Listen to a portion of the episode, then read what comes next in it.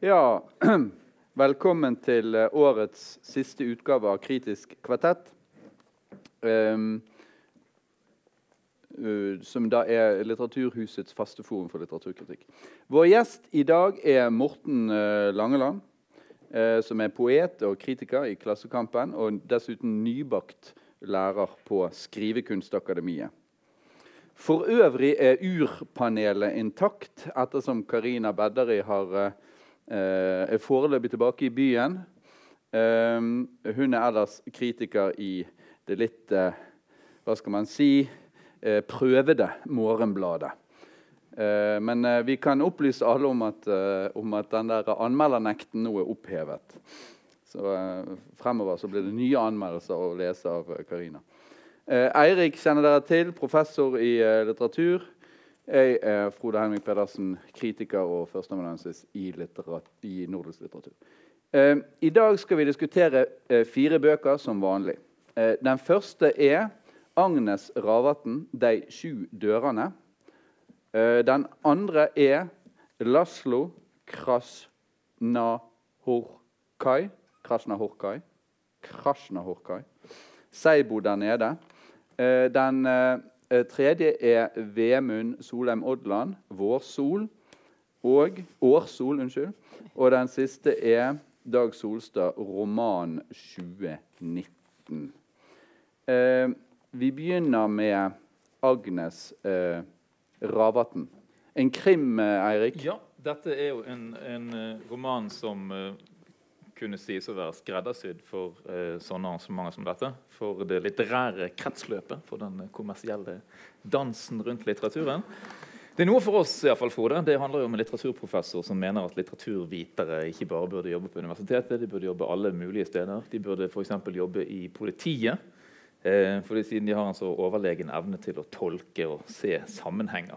Politiarbeidet er for viktig til å overlates til politiet, som det heter et sted i i hovedpersonen sin, eh, sitt, eh, sitt, ja, sitt plutselige utspill som da kommer i løpet av en paneldebatt, der hun uh, finner en slags inspirasjon. Da. Jeg, nevner, jeg, nevner, at jeg har skrevet to uh, artikler om uh, politietterforskning. Ja, men det skal vi gå videre med, gå videre med å si så, så er faktisk reelt. Det, det, ja, det er litt flau for det. Men dette er altså ikke en forskningsavhandling om lov og litteratur. det er en krimroman. Der hovedpersonen, altså litteraturprofessoren, da, og hennes uh, legemann, som også er helsebyråd, de, de, leier ut en liten tomannsbolig eh, et eller annet sted bak Brann stadion. Det er ganske lokalt og tydelig bestemt. dette her. Eh, når leieboeren deres blir meldt savnet, nå prøver jeg å, å, presentere dette plottet på en så skånsom måte som mulig. Ja, Vi kan ikke ha for mye spoilers. Nei, nei, nei, nei, nei, enige. Vi må ikke, ikke, ikke spoile dette, tror jeg. da.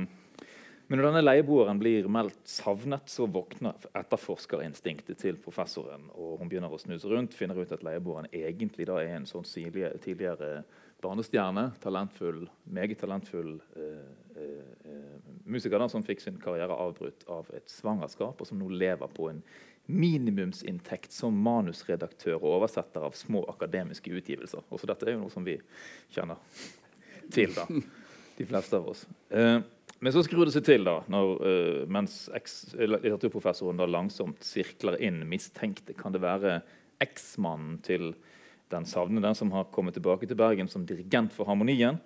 Og som da setter opp Bela Bartok sin opera om ridder Blåskjegg som en hilsen til sin forsvunne ekskone. Der kommer også tittelen fra. da, det er De sju dørene. Det er fra eventyret eller fortellingen om ridder Blåskjegg som i denne borgen sin da har de grusomste ting eh, stengt inne bak de syv dørene, bl.a. Eh, alle sine tidligere eh, hustruer. Og hvilken hilsen er det da eh, å, å, sende til sin ekskone, som man håper å forsones med? Eh, dette er absolutt noe for litteraturprofessoren, et tolkningsmysterium så blir fiolin, dette talentet da funnet drept. Og nå blir det altså en jakt på en morder som bare litteraturprofessoren kan ordne, for politiet er selvsagt hjelpeløse. Og mens litteraturprofessoren da går løs på absolutt alt med et sånn tolkende blikk, der ingen hypotese er for mager til at de ikke lar seg koble med litt psykoanalyse eller et uh, litterært forelegg, så når dette sin, sin slutt i en, uh, i en dramatisk og, og, på en måte sånn høylitterær, da, eller det vil si i fall, eh, lag på lag med litterære referanser. Eh, eh, scener som vi ikke skal kanskje avsløre for mye av. da. Men vi kan kanskje høre hva resten av panelet syns om denne krimromanen. Ikke minst gjesten. Ja. Ja. Ja. Nei, jeg var, jeg var mektig imponert over denne boka. Jeg har ikke for vane å lese krim, men jeg syns det var drivende spennende. Og eh, jeg syns Ravatn klarer å dra inn veldig mange aktuelle temaer. Alt fra lokalpolitikk og akademiske eh, problemer til eh, familie, generasjoner, arv, sosiale forskjeller, krim osv. Og samtidig som hun hele tida er ganske tydelig på hva hun gjør, så klarer hun hele tida å være et skritt foran meg som en god tyv. Mm, og flere, flere ganger så trodde jeg på en måte Nei, nå har jeg avslørt henne. Men så hadde jeg ikke det likevel. Eh, samtidig så syns jeg det er mer enn en krimroman hvis man skal operere med et skille der. Jeg syns nettopp det at hun klarer å Jeg kan nevne et eksempel. Er en, eh, noen dialoger mellom hovedpersonene. Det er Nina hun heter, og hos sin svigerinne som vel heter Eli eller noe sånt. Eh, hvor de to bare sitter og snakker, og dialogene er drivende, de er intelligente. Det er to en, psyk en psykoanalytiker og en litteraturprofessor sitter og snakker. Men det er likevel en slags kaféprat mellom to venninner eller jenter, eller hva man skal kalle voksne bemidla damer, på kafé rett her rundt hjørnet. Hvor de både på en måte diskuterer dette her Hva er det som har skjedd? Hvor har det blitt av denne savna personen? Samtidig som de drar inn referanser. Lekent og elegant. Jeg syns uh, Ravatn er flink til å holde seg på en måte innafor matta, samtidig som det er tydelig at hun skriver med at hun har det gøy når hun drar inn alt mulig. Fra bybanetraseen til Men det er en krim og en seriøs roman samtidig. Ja, det mener jeg. Ja, så det er en kombinasjon av uh, ordinær samtidslitteratur og krimlitteratur som hever krimsjangeren opp til de høyere uh, litterære sfærer. Jeg kan si det på en annen måte, Hvis dere husker den forrige boka hos i denne Fugletribunalet. Så det var en lukka på en helt annen måte i et slags uh, Den var vel på en øy og et slags kammerspill osv. Mens her så er Ravatn mest inne i byen. Mm. Og klarer å ta inn over seg ulike posisjoner i et lite samfunn osv. på en helt annen måte. Det er flere karakterer med forskjellige bakgrunner som hun klarer å gjøre relevant. Så det blir ikke den der lukka, gotiske effekten fra forrige roman som jeg syns var litt kjedelig, rett og slett. I okay. forhold til denne boka. Vi hører med Karina. Hva syns du? Jeg syns noe stikk motsatt. Eh, For det første så ble jeg ikke engasjert av krimgåten. Jeg syns det ble at hovedpersonens eh, voldsomme uh, tolkningsiver, som Eirik nevnte, ble litt parodisk. Og at det er et problem for romanen at den nettopp som du er inne på, skifter veldig mye mellom en slags underholdningsroman og en satire. og Man vet ikke helt om den gjør narr av å skulle være en krim, eller om den gjør narr av det, av det høylitterære. De gjør liksom begge deler. Og så, ja, og så blir det bare litt for mye distanse, da. Eh, det er én ting. Og så syns jeg ikke at Og så syns jeg at hun har blitt for smittet av uh, krimsjangerens språk. Eh, det er veldig mye dialoger i boka. Eh, som du sa, så er det jo lette, men jeg, jeg syns ikke det virker så veldig troverdig likevel. Det, det er ofte litt sånn satirisk og skal være komisk. Gjør ganske mye narr av hovedpersonen på en måte og hennes driv. Uh, og så er det hele tiden sånne, de kommentarene som kommer etter at noen har sagt noe. Og sa hun forbauset. Og det var et ja, Jeg tror jeg skrev ned Ja, men Det er jo men, sånn som man gjør når man forteller. Det er ikke så farlig. Det er ikke rikk, liksom. Jo, men det er veldig adjektiv, adjektivrik stil. Det irriterte meg. uh, humrer, han humrer mørkt. Han ser spørrende på henne. Alle, alle det, det er for mye sånt. Da. oh, oh. jo. Men hva, sier du, hva, hva, hva mener du egentlig, Eirik? Du, du, egentlig? presenter, ja, du presenterte den, men du sa ikke hva du syns. Jeg sa ingenting om hva jeg syns. Er du med Karina, eh, strenge Karina, eller er du med Altså, i, li glade i Morten? likhet med Morten så var ikke jeg så grådig begeistret for den forrige boken til eh, eh, Agnes Ravatn. Det var vel nesten omtrent, Vi må ha vært de eneste i landet som ikke syntes at det var, var eh, kjempebra. For den eh, fikk jo alle mulige slags priser. Og, og, og jeg synes den, den, var også, den, har så, den har også noe litt sånn karikert eller veldig skarpt stilisert ved seg, da, som, som, denne, som denne boken også har.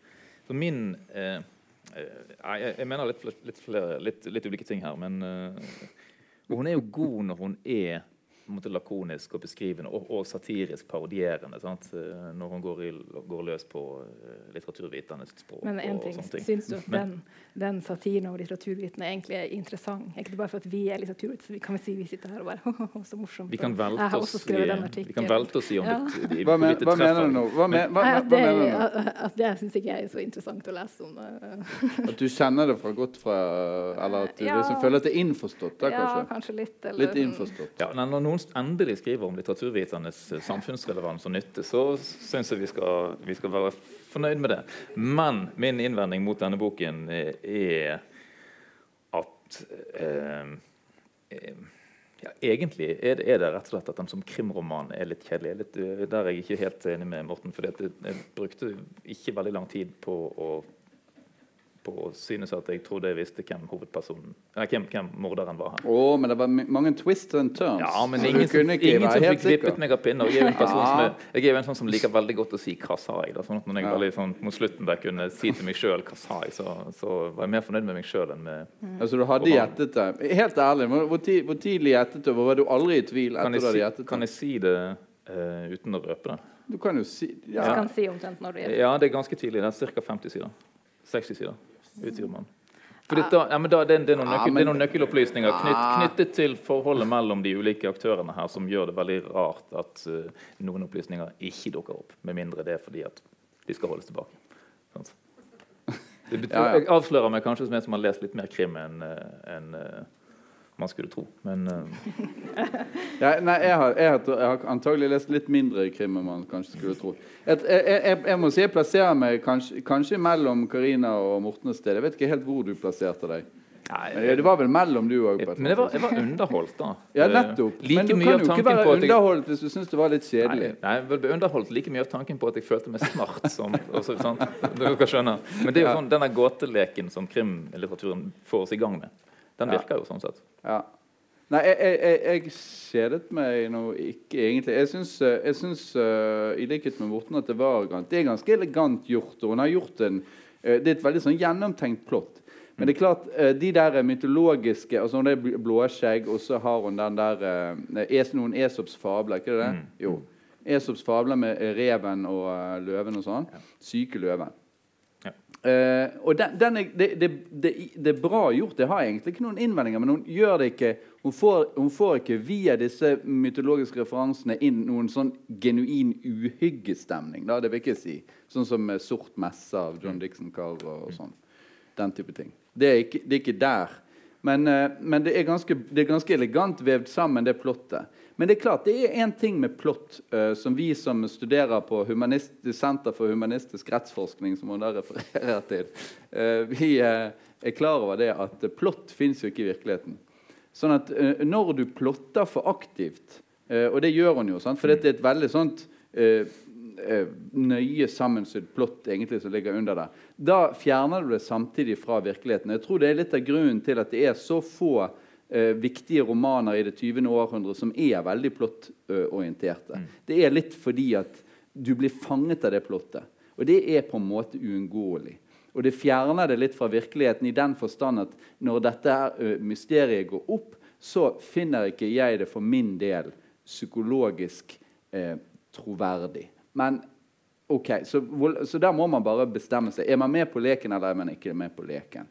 Eh, men hun har en litt interessant psykologisk tese på slutten, nemlig at, at det hun sier i klartekst, er noe sånn som at eh, privilegerte mennesker med en, eh, med en eh, avklart familiesituasjon, eh, god eh, stilling og sånn, solid tilværelse, de er villige til å tåle ganske mye før de vil gi slipp på den tilværelsen, for å si det litt gåtefullt. da. Det er jo en, en ting som Woody Allen for øvrig har tatt opp i noen av eh, sine filmer. Men hun lar de ikke slippe unna med det. Det syns jeg er litt interessant. Eh, altså Hun lar ikke disse men privilegerte menneskene helt få lov til å beholde nei, men eh, nei. sitt overtak. Sant? Nei. Eh, men eh, OK. Men eh, jeg tror i og for seg at vi har brukt opp tiden som vi har til rådighet for Ravatn. Så jeg tror vi sier som så at Morten står som den største beundreren av denne romanen. Eh, meg og Eirik er på midten. Ja, det- Jeg fornemmer at det er kanskje er litt mer positiv enn Eirik. Jeg, syns det er stilig, men jeg syns også at eh, det er litt altså Akkurat det at plott, uh, plottet blir litt synlig for oss. da? Ja. Litt for tidlig. Og, Ja da. og ve- Ja, da, ja, da. Men det, for ja, du må på en måte du må godta det. må vil, Man må ville det. Du, det er sånn som du sier, du ser, ser jo Ravatn sitte der foran og være et skritt foran. Du ser henne fortsatt. Ja, Jeg skrev ned hvem jeg trodde var den aktuelle på sånn side 168. Og etter det så skifta jeg mening to ganger, så jeg kan ikke Ja, det forstå dette twist and 50 år. Ja. Og Ka- Karina var da negativ eh, eh, her. Og det eh, er hun kanskje ikke til eh, neste roman vi skal eh, diskutere. Hvem vet? Eh, nemlig denne ungareren Krasjnahorkai. Jeg klarer ikke å huske det. Krasjnahorkai. altså. Horkai. Ja. Kaller han bare for Laszlo. Ja, nettopp. Så apropos høylitterære romaner uten plott, eh, Morten. Kan du fortelle oss litt om eh, hvorfor du har utsatt oss for dette verket? Ja, jeg kan lese opp litt jeg skrev her. Ja. Nå må du lese det, Ja, du, ja, det som står der. Jeg skal prøve å lese det muntlig, så det ikke ser så oppskrevet ut. Ja, først litt om forfatteren. Dette går jo for å være verdenslitteratur. Han er eh, en som nevnes i nobelprissammenheng ganske ofte. Født i Ungarn i 54. Skrev flere romaner. En tidligere oversatt til norsk, 'Satan Tango'. Seibo der nede er den andre romanen som blir oversatt. Den ble først utgitt i 2008. Det han også har gjort, som han også er veldig kjent for, at han skrev manus til en filmskaper som heter Bela Tar, som har gitt ut flere kritikerroste og svære og merkelige filmer. Denne boka er 400 sider og består av 17 kapitler. Det er en slags flettverksroman hvor delene hovedsakelig henger sammen ved å bale med lignende tematikker rundt omkring i verden gjennom årtusenene. Det er et veldig stort anslag i denne boka. Alt flyter fra Heraklitt blir nevnt i første setning, og boken ender med Dette er en spoiler alert, så ordene 'hinsides alt som er evig'. Så tid er, som i mange store romaner, et hovedtema. Romanens kapitler forflytter seg sågar fra ulike steder og tider av mer eller mindre kjent art. Ustoppelig. Ikke uten grunn er restauratøren, altså den som prøver å restaurere et bilde, en slags gjennomgangskarakter. Kunsterfaringer går igjen, enten som beskuer eller skaper. Det samme gjør religiøse motiver, både kristne og buddhistiske. Boka foregår mye i Japan, også i Persia, Aten, Venezia, Perugia, Barcelona osv. Fortellerstemmen er bredt anlagt. og Her kommer noe som jeg tror kanskje kan være å diskutere i vår tid. Den er også encyklopedisk. Den tar i kapitlene for seg enkeltmennesker og liv, men den har en slags evne til å se kunnskap og flette det inn som overgår det meste vi leser av samtidige romaner. Litt som en nettleserlogg, tenkte jeg. Og Boka er prega av lange, buktende og ofte repetitive setninger som tross komma kan bruke sider på å sette et punktum. Den er 400 sider lang, så jeg vil bare beklage for mine medkritikere at jeg dro den inn her. Men hvis det tjener til noen unnskyldning, skal jeg anmelde den i Bokmagasinet. Så du kommer til å bruke Så to for én, med andre. Så jeg er spent på hva dere har å si. Jeg skulle gjerne sagt mer om handling osv., men det er ikke så enkelt i denne boka. Kanskje det går litt tilbake til det du sa i stad? Nei, det, jeg er enig i at det ikke er så enkelt å si noe om handlingen. Men, men det er klart at uh, det er jo Jeg oppfattet det jo som delvis som en slags practical joke fra din side. Det er litt som å si eh, du tar og Les uh, Ulysses av James Joyce til neste mandag, og så snakkes vi. Uh, det er litt sånn, sant? Fordi det er en bok som du må jobbe med. Det er en bok som veldig tydelig står i den europeiske modernistiske tradisjonen. Men det er samtidig en bok som hyller skjønnheten og skjønnhetserfaringen, så vidt jeg kan forstå det. Og han gjør det vel en, på en måte som er nettopp ment å skulle være et slags eh, motvekt til visse tendenser ellers i samfunnet fornærmer jeg. som vi da fikk illustrert når du da eh, sender denne ut til oss. eh, og vi eh, opplever det at i våre dager og i vår, på en måte det tempoet som livet leves i nå, så er det faktisk veldig vanskelig å eh, uttale, eller på en måte jobbe med den romanen slik den romanen må jobbes med? I, i den, våre dagers litteraturindustri. Det er ineffektiv litteratur. Ja, men den sier oss noe om at skjønnhetserfaringen er en langsom erfaring både fra betrakterens side og fra artistens side. Eh, og at eh, skjønnhetserfaringen er så å si noe annet enn det som preger el, eh, eh, samfunnet for øvrig, med nyttetenkning, teknologi, vitenskap og sånn. Og det er noe som er kanskje aller viktigste. Vet ikke. Iallfall livsforandrende er det noe flere eksempler på i boken. Men eh, kanskje vi skal høre med Karina. Du, har skrevet litt- du skrev en notis om denne i Morgenbladet. Eh, Mm, ja. så jeg. Fordi at jeg leste den for første gang for kanskje to og et halvt år siden på engelsk. Uh, og etter det så har jeg tippet på at han skal vinne Nobelprisen. Penger, liksom, hvert år. Ja. Men det har ikke, ikke, ja, du har har ikke gått det inn for å ennå. liksom finansiere din egen eh, tilværelse som kritiker. Det skjer før eller siden, da. Men uh, nå har jeg selvfølgelig ikke rukket å lese hele om igjen til denne uken. Ikke jeg heller. Men jeg husker det som en helt utrolig intens leseropplevelse som ga meg utrolig lyst til å oppsøke masse forskjellige kunstverk og kunstformer som på en måte brakte det nærmere det sublime, som jeg vil si at uh, den handler om. Erfaringen av Å ja, så det er ikke det skjønne, men det sublime?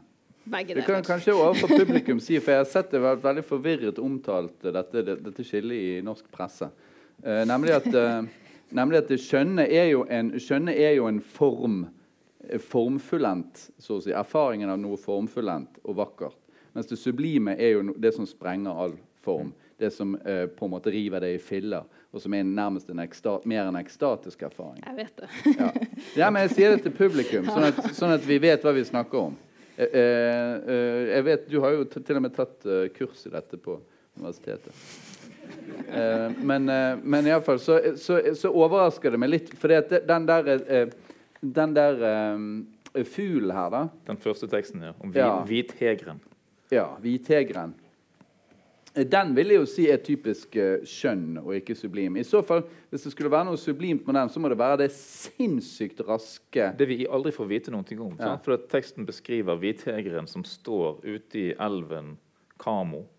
Ja. Uh, og det vi får, blir fortalt, er at den hegeren står da eh, med, med hele kroppen i spenn. Klar til å, å, å hugge til i det øyeblikk det, et byttedyr svømmer forbi under der. Men der blir han altså stående i det spennet hele teksten igjennom. Så, som en slags sånn der eh, eh, Som en sånn der suspens da, eh, som, eh, som aldri blir utløst.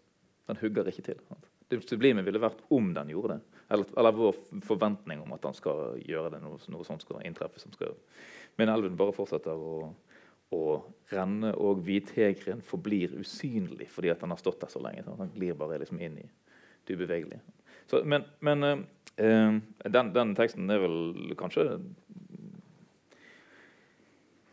Altså den, jeg vet ikke om den kan si den er utypisk, men den er vel det i den forstand at har, det, det er få aktører, og det skjer lite, og det er ikke noe historisk. Det er en slags ahistorisk bare glimt av noe som står stille og, og, og tiltrekker seg oppmerksomhet. Ja, Men gjør han egentlig det? Er ikke poenget at, nettopp, at folk nettopp ikke Jo, ser jo, den? jo, sånn, den forsvinner. Ja, Vi, ja. ser den. Vi som leser denne teksten, ser jo nettopp, nesten bare den. Sant? Men den går i ett med omgivelsen. Men eh, hvis jeg skulle si noe annet her, da, så, så eh, Altså, jeg er enig i, i alt dette som er sagt om at en tekst som altså, Den yter motstand sant? På, på veldig mange forskjellige måter. Altså, den er ikke plottdrevet egentlig i noen forstand. Kanskje hvis man bare ser det på et makronivå, sånn, så, så folder delene seg i, i hverandre. Men, men hver enkelt tekst som kan være fra, fra 5 til 25 sider, eller hva det nå er, sant? De, de flyter av gårde mer drevet av som en slags sånn tanke og assosiasjon, øh, assosiasjonsvirksomhet enn av, øh, av ytre plotter. Øh, noen tekster nærmer seg, nærmer seg litt sånn tradisjonelle plott, men så plutselig så vris de av gårde og, og ender opp i noe annet enn det vi trodde. En som blir forfulgt gjennom gatene i Venezia og, og tror han skal bli tatt livet av, og så ender han opp i en, en kirke eller et museum. Eh, og, og der blir utsatt for en sublim kunsterfaring, da, eller hva man skal kalle det, sant? eh, som kommer overraskende på. Um, men, eh, men det er en annen type motstand her også. som eh, altså Jeg er jo av og til fascinert av tekster som irriterer, men her er, er det en annen type eh, verktøy jeg får behov for underveis i lesningen, og det er oppslagsverk. Særlig alle tekstene som går inn i det japanske, og japansk kultur, japansk historie, japansk uh, mytologi og, og, religion. Og de strever jeg litt med. For det, det, jeg har ikke tid til å oppsøke alle de oppslagsverkene jeg skulle ønske jeg kunne gjøre. Så det, altså, det, det er en tekst som krever jobbing på veldig mange forskjellige nivåer. Synes jeg. Også, men, vil si, men, vil du da si, at du vil egentlig avholde det fra å vurdere? For det er det jeg tenker som så at Hvis jeg skulle kommet med en, en genuin og begrunnet vurdering av denne eh, boken, så måtte jeg ha jobbet med den en stund. Og så måtte jeg jobbet med den så lenge at jeg eh, kunne vurdere hvorvidt alt dette var nødvendig. Mm. Og jeg er ikke helt i utgangspunktet overbevist om at alt dette er nødvendig, men det kan hende. Den, den gir en veldig klar og sterk fornemmelse av at det finnes si, kulturelle erfaringer eller sfærer man står på innsiden av og på utsiden av. Altså Når man leser gjennom denne boken, her, så dras man da gjennom eh, europeisk kunsthistorie, japansk eh, kunsthistorie, eh, mytologi. Eh, og eh, en veldig sånn distinkt følelse av å bli kastet frem og tilbake med noe velkjent og noe helt ukjent. Eh, jeg finner meg umiddelbart til rette i renessanse-Italia, fordi navnene er kjent for meg. Fordi at historiene delvis også, også har vært mye Firenze. klikker. Har vært, har, denne, denne, veien som de tar fra Firenze og til ja og til eh, Perugia. Ja, ja. Mm. Eh, eh, jeg, har ikke, jeg, har ikke, jeg, har ikke, reist den med hest og kjerre i 1453, men, men, men, men altså, de, de, tekstene er det lettere å lese. Det er lettere å, å, å, gå inn i de på en eller annen måte. Også, men spørsmålet her er jo, som jeg tenker når jeg sitter og forsøker å få et slags sånn helhetsinntrykk av denne teksten, som da er også komponert altså de, Teksten er nummerert etter Fibonacci-rekken, som gir oss en slags sånn følelse av at matte og mystikk henger sammen. og, og, og at disse historiene også folder seg eh, inn i hverandre. Da. Så jeg, jeg sitter med en slags sånn fornemmelse av at denne boken forsøker å sirkle inn en haug med ting, selvfølgelig, men også spørsmålet om hvordan et kunstverk blir til, og hvordan et kunstverk blir, blir, sett, og hvordan et kunstverk blir restaurert. og Når man leser den, så får man også en, blir konfrontert med følelsen av hvordan et kunstverk folder seg ut og lukker seg igjen for leseren sin. For denne, denne, boken gjør det hele tiden. Men, og, er, og, Det er jo et stikkord som jeg ville tatt opp. Nå eh, vil jeg spørre deg. Eh, Karina sa 'intens' eh, intens eh, Nærmest litt imponert over at hun har hatt en intens eh, opplevelse av det. Fordi at han, øver såpass mye motstand at det skulle man kanskje tro eh, forhindret en intens ja, da, da, da, tenker jeg at Når det står ti sider om en skulptør som bruker forskjellige på meisler og legger det fram og tilbake mm. Mm Uten bare, punktum. Ja, sånn, så er det liksom det, er det musiske som driver forfatteren. Og det er litt provoserende når utgangene hans sine kan være sublime. For å si det sånn. Men Hva mener du med det musiske drivet? for folk? Altså, Han skriver på rytme på en mm. måte som gjør at det bare drar inn overalt og kan spise alt. Som kan være litt provoserende. Han blir mer Sunde mm. på sitt dårligste enn Sebald på sitt beste. da. Mm. Det kunne vært 250 sider, liksom. Ikke 400. Uh, ja, Sebald, ja. Jeg så at Sebald var sitert som en av de som uh, elsket uh, denne Eller Claude Simon, denne, som også skal være sånn ja. eventyrhage, mm. Det blir litt sånn Det er tydelig at han kan alt han trenger, og så blir det litt sånn Jeg tror ikke han skriver ennå for å gjøre motstand. Det blir bare, Han blir for glad. Hva, men vil du utdype dette med intens? Nei, det kan jeg ikke, men uh,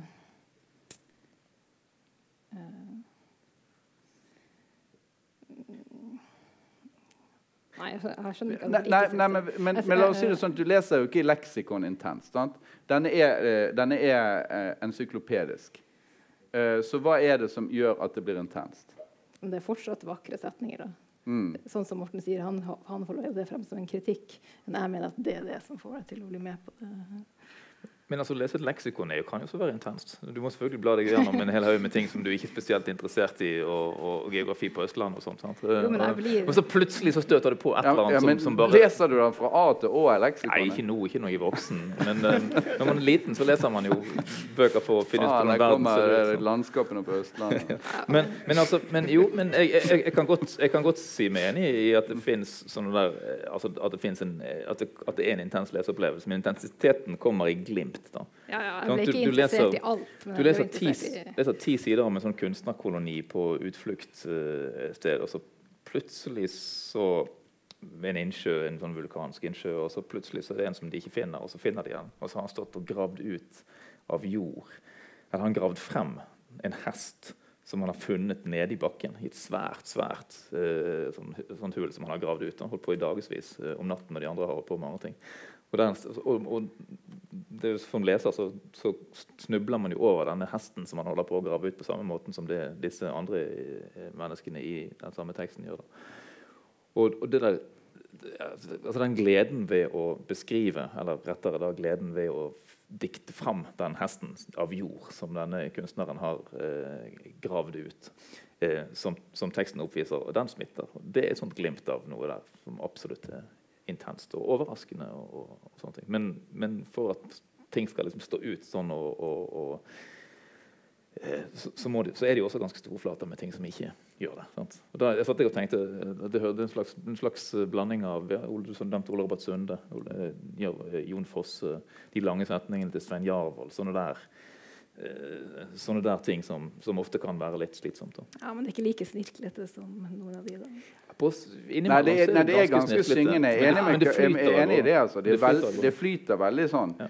Jeg tenkte jo på Herman Broch, som mm. han antagelig har uh, forholdt seg til på et eller annet slags mm. nivå, som også skriver sånne veldig lange Det er jo en klassisk modernistisk forfatter. Mm. Skriver sånne veldig veldig, veldig lange setninger. Og Jeg skrev jo doktoravhandling om den, men jeg hadde jo ingen intens erfaring den første gangen jeg leste den. Tvert imot. Jeg kjedet meg, jeg slet. Det var blod og tårer å komme seg gjennom. Så leste jeg den en gang til, og så leste jeg til leste manuskriptversjoner. og leste liksom mange ganger. Så det, det hender med litteratur. Det fins litteratur som er sånn også. At den, siste, den sjette gangen du leser, så er det bare en fantastisk symfoni.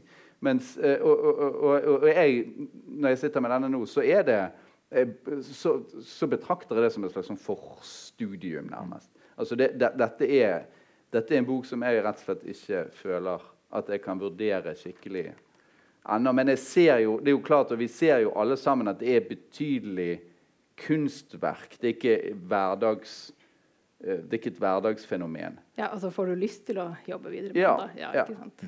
Ja.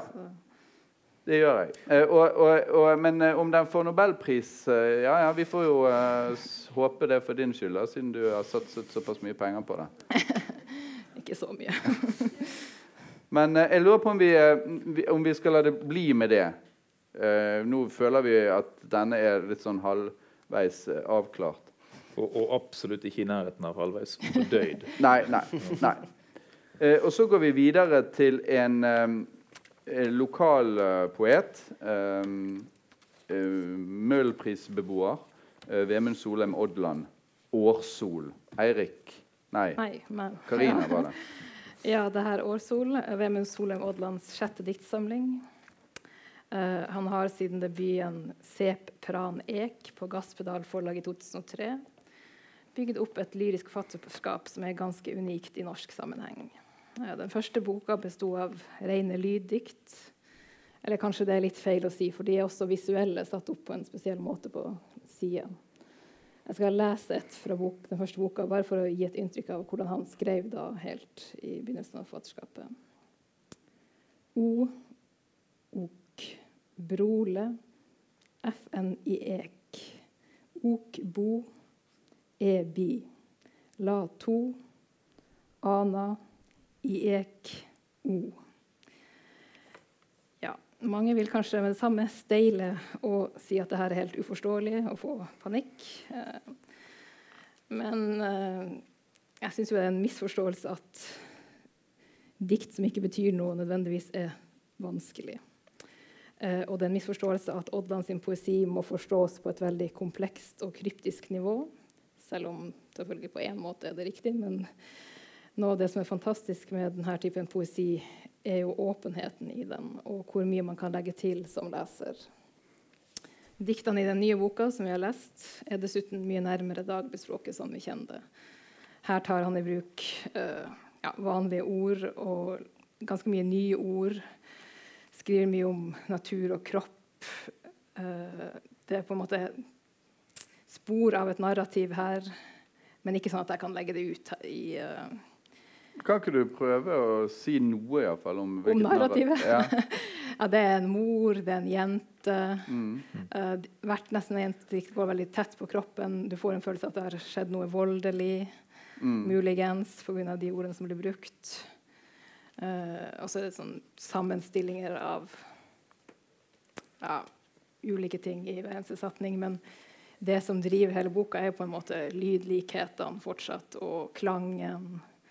Uh, på en måte jobber han med betydningen i ordene, men samtidig som han vil ta den vekk og liksom, ja, skape en spenning mellom klang og betydning. Uh, ja, jeg kan lese et fra den her òg, bare for, at, for, å gi et inntrykk. Fruktig sår, havsalt vår, god venninne, halshud, sårøye, høyt fjell, løvtørr, støvtørr snø. Utvannet vår, tilvendt bør.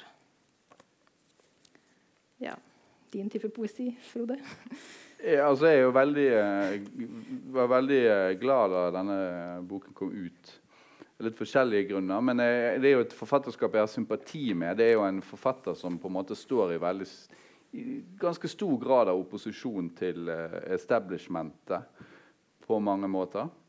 Uh, jeg syns at det, dette, er en, dette, er, dette, er jo en, ordenes poesi. Altså, det, altså det, det, det, er snakk om er altså sammenstillinger, nye sammenstillinger. Altså sånne ting som nyknekt, øyetrykt, sandfast, vannbrev, vårsåpe, støvtro, smertefløte osv. osv. Men, eh, og jeg kan være enig i for seg at, at, det dreier seg her både om å skape betydning og å skape klang. Jeg er ikke en sånn klangens mann egentlig fremfor alt. Jeg er en betydningenes mann. Eh, sånn at jeg lar meg mer fascinere av nettopp eh, de nye betydningene Altså øyetrykt. Hva er det som er øyetrykt, f.eks.? Det kan du, det, altså, eh, eh, veldig mange av disse sammenstillingene lar seg reflektere over mm. som nettopp erfaringer. Og ikke minst sanselige erfaringer. Og ofte av en ganske sånn eh, intimt, kroppslig karakter. Som kan grense mot det litt ekle innimellom. Eh, fuktig hudlue, uh, f.eks så er det jo mange sår og sånn. da. Um, men sier jeg ekle, så mener jeg, jeg sier det litt spøkefullt. Altså. Jeg, ja, jeg har en innvending mot akkurat det. for jeg synes ja. det er det som er, Hvis jeg skal si noe jeg er mer skeptisk til i diktsamlinga, så er det at han på en måte er så interessert i den typen overskridelser og liksom seksualiteten som noe mørkt. Og han bruker ordet 'jente' veldig ofte mm. sammen med kropp liksom veldig nært det blir litt sånn bataille-overskridelse uh, på en måte som er For Når jeg sier jente, så tenker jeg at det er som når Tarjei så sier jente. Ja, ja, det er faktisk ja. mer en, ja, det er ømhet og varhet. En slags ja. bondsk. At det har en sånn kjærlig ømhet til seg også. Ja, ja Men syns du ikke at det er noe litt jo, jo, tvilsomt med det farlige? men, men, men, men, det, ja, men det er jo ikke jenten som har hudluen. Det er jo han som har hudluen. Det er jo han som har alle sårene og, og alt det der. Jeg tror sånn er jenten på et tidspunkt. Jeg, jeg, jeg, jenten, det også, ja. mm. Og det er jo mye sæd, eller sæd, som det vel egentlig heter. Mm. Og, og um, men det som er creepy er, det er ikke, jeg tenker ikke, det, for det, det er klart det noe av det som er, også er opplagt tangerer ubehagelighetene. Men det er jo ikke det at ordene refererer til noe ekkelt i og for seg. Altså Verken blod eller sår eller sæd er jo ekkelt i og for seg. Men, men, det som ja, altså Et sår kan jo være ekkelt. Ja, ja, men ikke, ikke Jeg har nettopp hatt et svært et eh, på her. Ja, ja. Det er en kjensgjerning i verden, som mange andre ting. Men, men, det er jo det at her eh, indre og ytre bytter plass her. og sant? Altså De tingene som vanligvis uh, er på innsiden av kroppen, de havner her på utsiden av kroppen, og omvendt. Altså det, jeg har en sånn følelse av å lese uh, en tekst der altså familierelasjoner eller mellommenneskelige relasjoner blir omdiktet til kroppsvæsker. Altså Man kommuniserer ikke med ord, men med med kropper i hva skal man si da? Uh, det er derfor det er creepy. Ja, det, men, det, ja, men det, normaliseres på et vis. Sant? Det blir omgangsformen i disse tekstene. her, På samme måte som, som altså, disse språklige vridningene og forvrengningene og, og neologismene, sammensetningene og sånne ting. Uh, ja, det er som om disse kroppene som skriver Det er mye, det er mye kroppslighet. Og, og, og, og, de kroppene som skrives frem, inngår i helt ofte nesten monstrøse, men likevel sånn forståelige forvandlinger. Da. Det er litt sånn som eh, Litt sånn som i Dantes uh, 'Inferno', der man nederst i helvete støter på de der to-tre kroppene som flettes inn i hverandre og ut av hverandre og, henger sammen på måter de særlig ikke kan kontrollere. Sant? Ut fra et eller annet diabolsk uh, prinsipp. Men her er det liksom blitt en sosial omgangsform. Det er sånn disse menneskene lever sammen. Så det, er, jeg tror nok det, der med at det finnes et, et slags plott her, helt opplagt, med disse tre, tre eh, han og hun og mor. Da. Og jeg leser det vel kanskje sånn at det slutter med mors begravelse. Eller noe sånt. Siste diktet. Det er bare min spekulasjon her. da. Båregry, årtåke, tåregry. Altså Den har en sånn der gravleggings... Eh, det er det eneste stedet det ordet 'båre' tror jeg forekommer i, i, i boken. Altså Det er, er vanskelig å argumentere mot det, men, ja. men, men det er iallfall Jeg syns at det var, har, noe sånn dagbokaktig mm. over seg innimellom. Mm. Nedtegnelser. Mm. Så kommer f.eks. plutselig sånn god artikkel. Da har du sånn følelse at han, eh, ja. Og så er det tilbake til hudluen. Og. Men jeg tror det er helt sentralt. Jeg synes det er derfor forfatterskapet blir mer og mer interessant. For det har gått fra det rent klanglige, de minste bestanddelene, mm. den enkle bokstaven, den enkle vokalen, til å være sånn flotte sammen neologismer en presisjon i ordvalgene er jo helt enorm hvis man bare ser enkeltordene. altså Hvis du hadde hatt disse i en norsk roman, så kunne det vært litt artigere å lese. Mm. Fordi han har et ordforråd hvor han klarer å ta inn ord som sjelden blir brukt, men som vi alle har bak der. Men når han kjører på en, to, tre, og så plutselig kommer det 'jeg er sint', og så ja, tilbake igjen, så han lag, spenner han opp et større lerret enn han har hatt før. Som gjør at vi blir trukket med i en slags ruin og en fortelling kanskje som er vanskelig å si, samtidig som vi opplever det vakre og det drikkinga og SM-seksten og hva som man kan lese inn i det på et eller annet mm. sted. Mm. Men, altså, det, det, det, jeg tror det du sier der er et, et, viktig poeng. fordi at veldig mange av tekstene her eh, består utelukkende av eh, oppramsinger, objekter. Altså substantiver og adjektiver. Eh, ofte ingen verbaler i det hele tatt. Så plutselig så kommer det Eh, helt, helt, sammenhengende, streite, uproblematiserte, handlingsbeskrivende setninger som står og lyser. De, de mest trivielle ting blir liksom løftet fram på, nettopp fordi at de står i en sånn, i en sånn uh, tekstmasse. Jo, jo, men det er jo ikke bare objekter. Altså, mange av disse sammenstillingene peker jo, som Karina òg er inne på, utover det som har noen klar betydning, og over, også over i det absurde ja, innimellom. For konstateringer av av, ja. av, av ting. Da. Mm. Mm. Skulle du si noe siden du tok frem notatboken? Nei, for jeg tenkte også på det der med listeaktige greiene. Ja. Jeg tenkte at det liksom eh, Værmeldinger av og til. Bare en slags ja. sinnets og dagenes ja. værmelding. Han heter jo ja. Mårsol. Da. Det har det der eh, ses sesongaktig også til seg. Ja. Hvor det egentlig er plass til ganske mye, men han viser det gjennom et slags filter. Ja. Det er liksom, det, ja, det er rapporter. Det er litt sånn hvordan det står til. Tilstandsrapporter kan du òg uh, egentlig lese det litt sånn. For I dag er det frisk, øde, friskt, øyevåte. Det er i dag. Totalt. Karina, har du noe mer å legge til, eller skal vi gå videre? Nei, jeg syns alle burde lese den. Det kan jeg legge til. du er en stor fan. Ja, altså, er vel, det er vel ingen av oss som, Bare for liksom å ta den der vurderingsrunden Det er vel ingen av oss som er negative. Du, du, du er faktisk en, den eneste som har ytret noe negativt, Karina, i at du hadde en slags uh, kritikk av kvinnebildet her. Ja, ikke kvinnebildet, men at det er litt forslitt, den måten å bruke seksualitet som noe mørkt på. Eller at jeg syns jeg har hørt det før. Ja. Ja. Men, men, eh, hvis jeg får lov til å kontre, da. Eh, fordi at En ting er jo det mørke som, og det er litt sånn suggestive eh, overskridende seksualitet. Men det er også enormt mye komikk her. Ja, Nettopp i at disse elementene stilles sammen og, mm. og inngår i, ja, i, disse, i, disse, ofte umulige eller cornye eller, eller underlige konstellasjonene. Da. Det syns jeg er morsomt. Ja, jeg er enig i det. Det er et godt poeng. Mm. Ja, vi er positive til Odland. Eh, da er det eh, dagens eh, siste bok. Eh, og det er jo da en bok som eh, setter eh, Litteratur-Norge på hodet.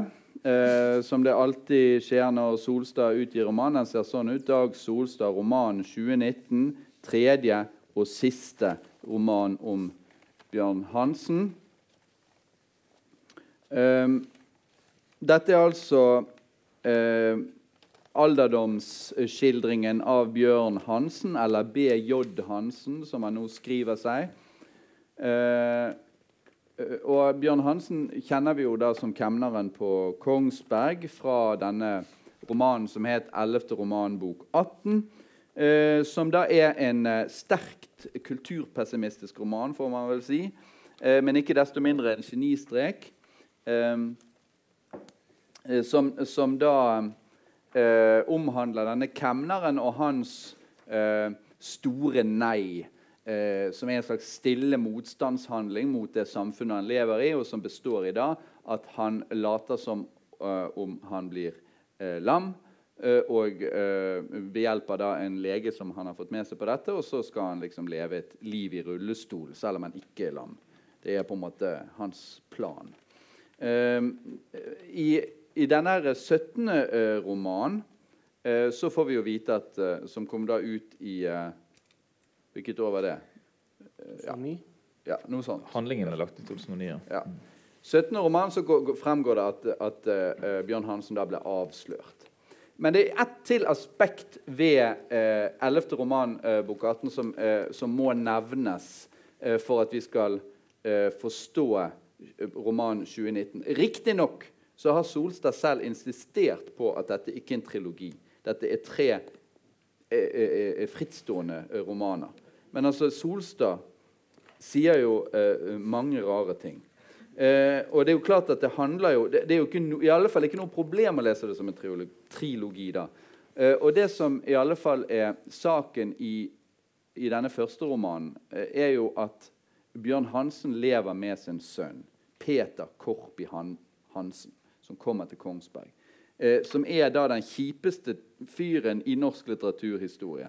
Og som er og som er da, altså han, er, han er liksom han er, er, han er hovmodig og stokkdum på en og samme tid. Han er visjonær og blind samtidig. Eh, han er eh, høy på seg selv og bare utrolig lav. Men det som er, det som er saken, eh, er jo at eh, denne Peter Korpi Hansen er inkarnasjonen av Solstads fordømmelse av sin egen tid og den oppvoksende slekt. Det er for meg ingen tvil om at det er det det er. Jeg spurte han direkte oppe på, på Odda om det var tilfellet, og han blånektet. Men så, altså, det er helt umulig å lese det på noen annen måte. Eh, I 17. roman så er det jo da eh, denne eh, sønnen og hans tilværelse som optiker, det er vel i Bø i Telemark de holder mm. til, eh, som, er, som da skildres. Eh, og der er på en måte bildet på den nye tid. Det er når alle disse her foreldrene oppe, oppe i, Telemark sender ungene sine ut i hangglidere eh, og liksom skal fly eh, inn, i, i, inn, i, fremtiden eller noe. Eh, og Det er jo også et, jo et, også et bilde som, som, eh, som, Solstad da bruker til å si noe negativt om, om, om sin tid. I årets roman så er det altså at Bjørn Hansen er blitt en gammel mann. Like gammel som Solstad. Uh, og Solstad, Det er jo et sånt triks som Solstad har. Han skriver om menn som er like gamle som han selv til enhver tid. Um, Bjørn Hansen eller BJ Hansen har trukket seg tilbake i sin leilighet, hvor han har et bibliotek, tenker mye på døden, fører samtaler med sine avdøde foreldre, uh, lever på en måte henvendt til døden. Dette er en, en skildring som etter mitt syn er fremdeles god. Her er Solstad fremdeles god. Men så er det altså at noe må skje. Det banker på. Bank, bank, bank. Og der har vi svigerdatteren Thea Nilsen og hennes sønn. Uh, uh, uh, med det groteske navnet Viggo med W. Nilsen Korpi Hansen. og han skal da begynne å Sist sett kun i denne hangglideren, for Bjørn Hansen fikk aldri truffet han i den forrige romanen. Eh, men nå skal han altså studere litteratur på Blindern. Og, og, og, moren har en eller annen grunn bestemt at han skal bo hos sin farfar, som altså har en mikroskopisk eh, leilighet, eh, hvor de da begge må sove i stuen. Det er et ganske dårlig opplegg, egentlig. Eh, det ville være overdrevet å si at de to, eh, eh, utvikler et nært forhold til hverandre. Eh, men det er i alle fall betraktelig bedre enn Hansens forhold til sin egen sønn, slik det er beskrevet da i den første eh, av disse romanene. Unge Viggo viser det seg, ser faktisk opp til sin farfar. Og det gjør han da nettopp pga. denne protesthandlingen som han da har fått høre om, og som Viggo forstår er en protesthandling. Altså egentlig en veldig skammelig handling, nemlig trygdesvindel. Eh, å sette seg, altså hvis, jeg, jeg, vet ikke om, hvor mange av dere som ville vært veldig stolt hvis dere oppdaget at deres bestefar hadde eh, eh, eh simulert lam og prøvd å, å, å få penger fra Nav på det grunnlag. Men iallfall så er unge Viggo da smart nok kan man si da, til å skjønne at dette var en uh, symbolsk handling. Men på tross av at Viggo da studerer litteratur, er interessert i litteratur og skjønner uh, dette store nei-et, så, så, er han ikke desto mindre uh, tilbøyelig til å bli sammen med denne NN, som er da Solstads nye versjon av inkarnasjon av tidsåndens forjævlighet. Eh, og det er jo da eh, en, eh, en, kommersielt orientert blogger. Ung og materialistisk. Sporty. Hyperintelligent, men også stokk dum. Og som da er imot Som elsker å lese, men er imot bøker. For hun vil, hun vil studere litteraturen digitalt, dvs. Si rent. Hun går i buksedrakt, for øvrig i likhet med Aftenpostens anmelder, uh, la jeg merke til, som er jo den eneste i Norge som går i buksedrakt. Eh, og som da irriterte Solstad veldig eh, tidligere. Eh, Pga. at hun var veldig negativ til eh, denne Telemarksromanen. Uansett så er dette bokens store skurk. Og Hun blir i tillegg da et selverklært offer for seksuell trakassering. Og Solstad har jo sagt i denne metoo-debatten at, uh, at, han uansett tar parti med mannen fordi at han sjøl er mann. Og det får leserne bare tåle. Men uansett så Og det er jo Det kan man jo si uh, altså Det som skjer altså Jeg vet ikke om vi skal si så mye om det, men det er et slags klimaks. En, en liten sånn episode, da. Og, og eh, altså Bernhard Elvsen i Morgenbladet skrev at som metoo-kritiker er Solstad ikke interessant. Og det er veldig konsist oppsummert, syns jeg. fordi at, eh, altså, jeg syns rett og slett at, eh, at romanen kollapser totalt på slutten. Men uh, det, det, er rett og slett fordi at den metoo-episoden er totalt, kommer ut av det blå, totalt uforberedt. Og det er bare ikke sånn det foregår, kort og godt. Eh, og, og, og, Bjørn Hansens reaksjon og eh, ja, altså Ingenting av det står på noe som helst slags måte til troende. Ja, det var sjokkerende å lese det. det var så sjokkerende dårlig. det Men Går det an å snakke om dette uten å fortelle hvordan det ender? Jeg tror ikke jeg kan det. Nei, nei. nei. La det bare kjøre. Derfor, vi, vi, bare beklager publikum. Dere får løpe ut der så er ja. ja. Nei, nettopp fordi at det er jo det som er poenget. Så Alle kritikerne har synes at denne romanen er god første halvdel, og så bare går de Nei, nei, nei, nei, nei. Det er ikke langt unna. Nei, nei, nei, nei. Alle kritikerne har sagt det er en fabelaktig roman. To, nesten alle jo, nesten alle har sagt det er en fest av en roman. Fabelaktig. Solstad på sitt beste. Seks stjerner i VG. Sindre Ovnak. Ja, han gjorde det. Jon Rognlien. Eh, i, i, vår, vår uh, gamle venn i Dagsavisen, uh, han her Trond Haugen, som har tidligere uttalt at det norske språket gråter av glede hver gang Solstad Ikke hver gang, da. Det, ja. Men poenget er at kri kritikken har gjort et komplett og jeg må si et nokså pinlig knefall for, for denne boken. Hva sier du? Jeg jeg si at Den scenen dere snakker om å le sånn, av, den er jo faktisk en klassisk Solstad-scene i at det er et bilde vi kommer til å huske og ta med oss. Mm. Ja, men, men, de tidligere Jeg er enig med deg at oppbygninga ja. der ikke går helt som det skal. Derfor det skjer noe med det man sier i begynnelsen her. At han var i ferd med å forsvinne, med å miste interessen. Ingen måtte se noe på ham. Ja. Til at han plutselig skal være veldig engasjert på vegne av sin sønnesønns nye forhold og denne fordømmelsen av tiden, som ikke får så mye plass, og ikke får noe særlig begrunnelse, og ikke blir spilt ut, Nei, til denne scenen kommer. Derfor er det mangler 50 sider med at noe skal bygges Helt opp. Og alt samles i hun der eh, bloggerkjæresten. Når hun kommer, så, så det trenger han ikke si mer. Sant? Det er den følelsen man får. Ja. Da samtidig stiller liksom ut seg sjøl til spott og spe. Får dere litt sånn postskriptum-følelse over hele greia? At dette varsla metoo-essayet kommer etterpå, og så kommer dette til å forandre verdi, eller et eller annet? Jeg vet ikke, altså det, er for, det er for følelsen av det. Derfor jeg sa at det, er nødvendig å si hvordan dette ender. Uh, det ender med at han, uh, han uh, kollapser på gaten utenfor leiligheten til NN og dør.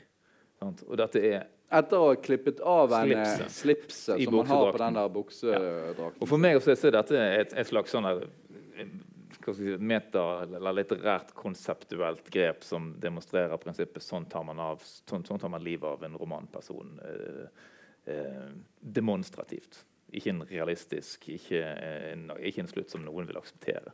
Men tror du han har liksom, oppbygging til det, at det er så dårlig litterært at det er med vilje? Akkurat den siste delen der kan jeg ikke forestille meg på noen som helst slags annen måte. Sånn altså, han, han, han blir beskyldt for å ha sett på puppene hennes, og så blir hun hysterisk øh, og løper. Og så øh, prøver de å ringe til henne, får ikke kontakt med henne, og så går de da opp, Viggo og Bjørn Hansen da, går opp i leiligheten hennes for å Jeg vet ikke hva for. Viggo vil trøste henne, Vil noen tilbake Si igjen. unnskyld. eller annet. Ja, det var under, under dekke av at Bjørn Hansen skal si unnskyld. Han har jo ikke tenkt å si unnskyld, for han har bare med seg saksen sin. Han Ja. klippe av det der latterlige slipset. Og når han gjør det, og har gjort det, så kan han storme ut igjen og dø. Ja, men altså det som, det som er problemet her altså det, Han fremstår som en grotesk skikkelse, Bjørn Hansen, på slutten. En uverdig og grotesk skikkelse. Men, eh, og det kan godt hende at det er in- in- intendert. og Det kan godt hende at det kunne på et eller annet slags annet nivå fungert. Men det som Solstad gjør, som plager meg, ærlig talt, det er at han lager seg en stråmann som han da kan bruke sitt apparat for å på en måte polemisere mot, i kraft av denne komplette tullingen NN. Eh, og som, som er bare helt forferdelig altså det, han, han gjør det veldig lett for seg selv i sin på en måte kritikk av sin tid. Det er liksom ingen ambivalens. Det er ikke noe eh, det, det er ikke noe Det er liksom ikke smart gjort engang, syns jeg. Eller hva sier du, Karina? Jeg er helt enig i alt du har sagt. det, Rørende enig for en gang. han kunne jo gjort det til en bok-instagrammer, i det minste. Eller liksom, I stedet for idrettsstjerne. Eller, eh, Ja, men det er jo ekstremt overdrevent. Ja, Men ikke glem at Sønnesønn eh, elsker jo denne NN, og Sønnesønn elsker Bjørn Hansen. Ja. Det, det, det er et triangel, på en måte, hvor det finnes ja, noen møtepunkter. Ja, men Og den oppbyggingen som er her, den, den skjer jo i det der forholdet mellom Bjørn Hansen og Viggo. For der, der vokser det liksom frem en slags, uh, en slags uh, fortrolighet da, som hun kiler seg inn i og, og, ødelegger. Spørsmålet er jo da tror vi på den. sant? Eh, Der de ligger og, det, det er noen fine scener der der de ligger og sover eller puster, hører hverandre pust på hver sin uh, seng i den der knøttlille stuen. Eh, og, og, og puster i kor, de to der. Eh, Bestefar og sønnesønn. Det er noen, det er noen litt fine bilder. Jo, jo, Ja, men er altså, boken, er jo ikke, eh, boken er jo ikke elendig. Det er, en, det er jo en Solstad-roman. Solstad er, den, er og blir den største forfatteren i Norge siden 60-tallet. Og det er klart det er at det er masse som er bra, og Solstads stil er til dels intakt. Uh, selv om jeg, jeg syns den er flatere enn en Solstad har vært uh, på sitt beste. Han er liksom litt sånn Han er liksom ikke høyt og lavt.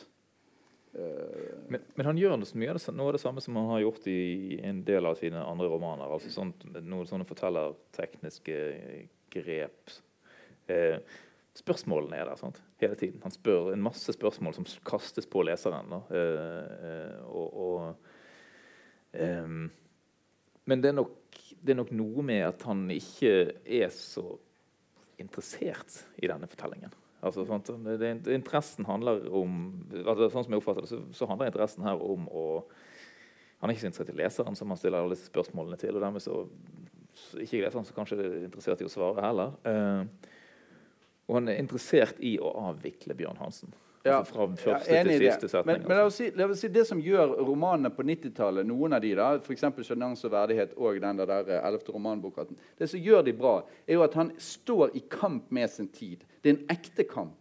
her, som Karina sier altså Han kunne gjort henne til en Instagram-bokblogger. Han vet jo ikke hva det er. Det, altså, jeg, jeg, refererer da til dette, her, eh, dette her intervjuet mitt da, bare fordi at eh, jeg da fikk sjansen til å stille noen spørsmål. Og når, når han sier da liksom, hva, er, hva er liksom problemet med, med liksom ungdommens smak, og sånn, så sier han det at ja, du vet hva som står liksom i høysetet nå? Michael Jackson. Som er liksom eh, eh, og, og, og, og, det er litt sånn her, eh, Michael Jackson er jo noe jeg ville ha spilt for liksom å gi nærmest noe høykultur til uh, mine barn. Altså, så, så, så han er på en måte Han er veldig langt fra å ha noe godt grep om sin tid, vil jeg si. da. Men vi har ikke sagt noe om de religiøse anfektelsene her, som fra begynnelsen av det noe han diskuterer. Det religiøse og siste setninga i så måte også. Mm. Ja. Det er en slags innpakning av denne greia. Kan det være at det er en slags søken bort? Uh, uten at han Ja, ja, det er en dødsroman. Mm. Han er henvendt mot, de, mot, døden og de døde. og sånn.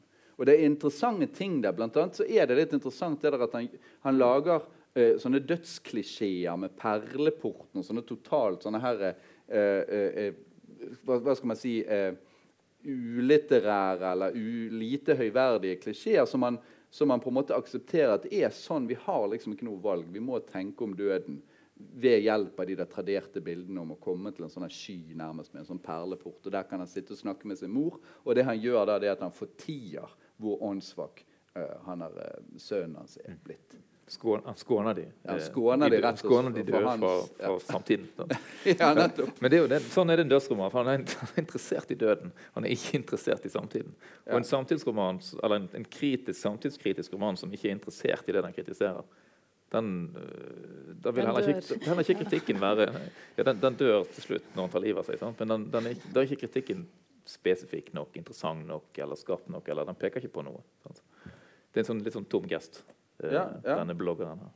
Ja, og, men sånn at hvis man skal hvis, Du Morten, prøver jo heroisk å redde den hele tiden. og sånn. Mm. Sånn at det er triangler, og det er religiøse lengsler. Og, ja. Men, jeg tenkte på en ja. parallell. Altså, for å kunne snakke med sine avdøde foreldre, så må han tilbake til helvetesdebatten i 1940 et eller annet. og Nei, det, det, det, det, er vel ikke så Nei, altså det er den Hallespytalen er på 60. Jo, men også, ja.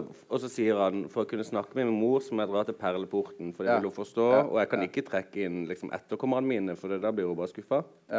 Så han må på en måte gå sin avdøde mor i møte. Men det jo akkurat det samme lille Viggo med W gjør til han.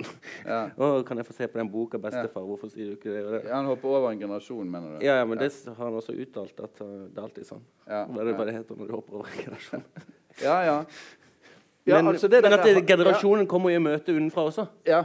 Ja, det er jo et visst uh, Det er jo en forsonende gest i, fra Solstads side mot denne Viggo, der, som uh, gjør sitt beste oppå på Blindern for å sette seg inn i litteraturen. Men det står jo også en ting hvor han, han liksom ikke er interessert i bøkene i, i utgangspunktet som Bjørn Hansen har. og sånn.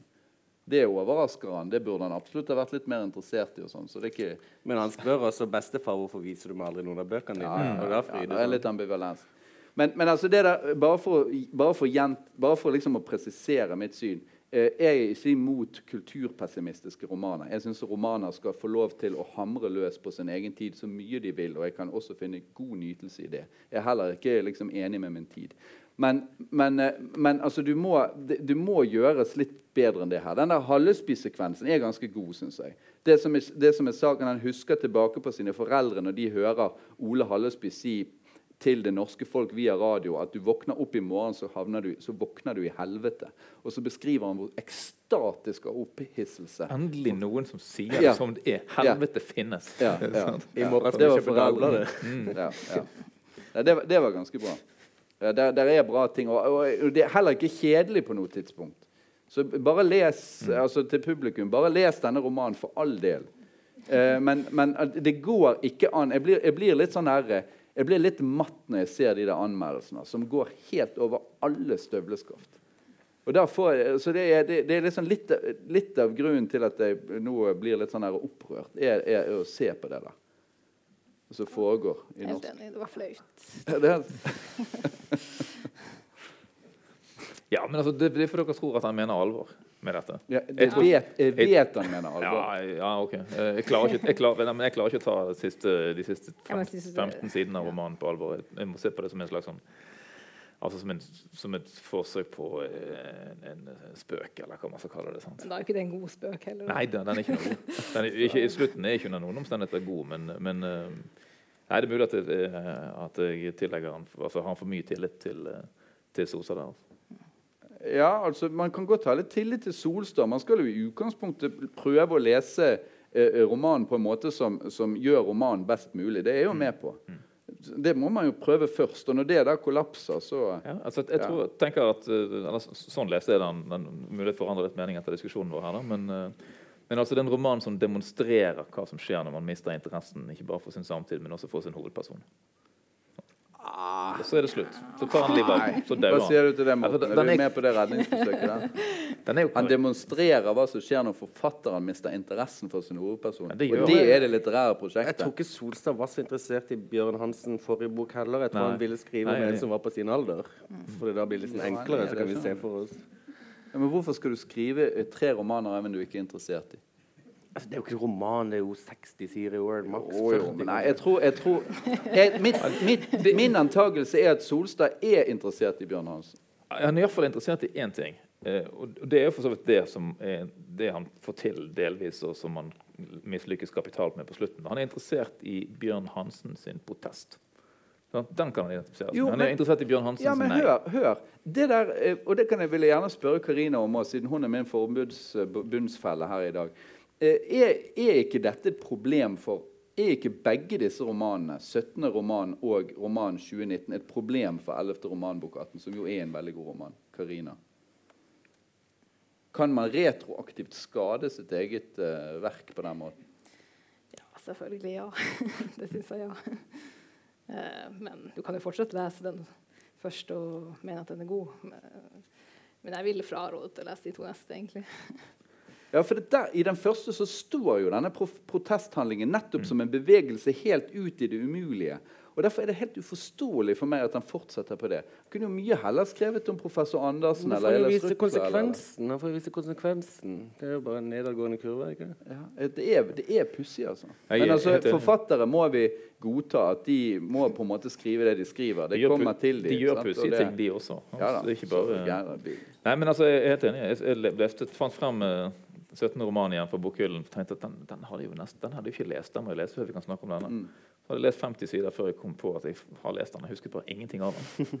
Nei, det overrasker meg. Nei, jeg husker, altså, jeg husker, jeg er husker, helt uforglemmelig, altså. det er 17, Nei, jeg syns ikke den Nei, nei, satt- snakker du om 17. roman? Ja, den, satt, den satt ikke i det hele tatt. Oh, ja, 11. roman, bok 18. Selvfølgelig. Ja. Ja.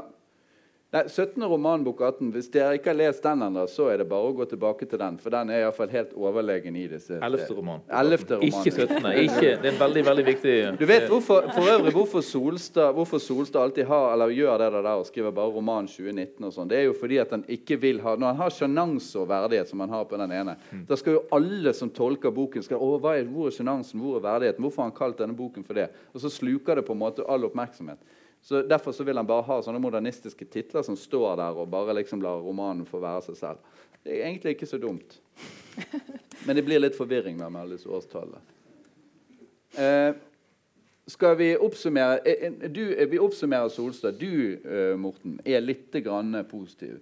Jeg er ganske positiv. Det tar en time å lese den. Og jeg tror det varsler metoo. Essayet til Solstad, som han har varsla i flere kanaler, kommer til å spille tilbake på siste scene i den her. Jeg tror at dette ikke er avslutta. Ja, ok, Så det blir, men, så det blir et slags uh, appendix til den Forhåpentligvis handler ikke det essayet bare om metoo, men det blir et større sivilisasjonskritisk sivilisasjonskritisk essay fra Solstad. Jeg tror det kan på en måte revitalisere Ja, det kan ikke gjøre så mye med denne, men det, det kan sp sp spille ball med det. da. Ja, ja.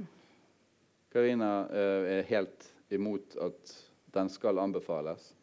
Eh, ja, men jeg, jeg er jo enig i at det var helt fint å lese den frem til det punktet som vi har snakket om. Men uh, nei, det var ikke verdt det. Jeg hadde egentlig bestemt meg for å ikke lese den på forhånd. Ja. Men så måtte jeg jo det til dette, da. Mm, mm. Jeg hadde ikke lest den hvis ikke. Mm. Etter at jeg hørte om bloggerinnen, bare det ordet. Så, Eh, Mens uh, Eirik har beveget seg litt i negativ retning i løpet av diskusjonen. Ja, jeg vil strekke meg til å si at man, man påfører ikke seg sjøl ulidelige smerter eller lidelser ved å lese denne boken. Hvis man vil ha, ha Solstad-samlingen sin eh, liksom, intakt eller, eh, eller komplett, da, så, så, bør man jo kan man jo lese den. Men det er, som Morten sier, det er en stor fordel at den tar kort tid. Ja. Altså, alle, altså jeg mener jo at alle, alle Solstads bøker er verdt å lese. Dette er Eh, den svakeste romanen av Solstad jeg noensinne har lest. Takk for i aften.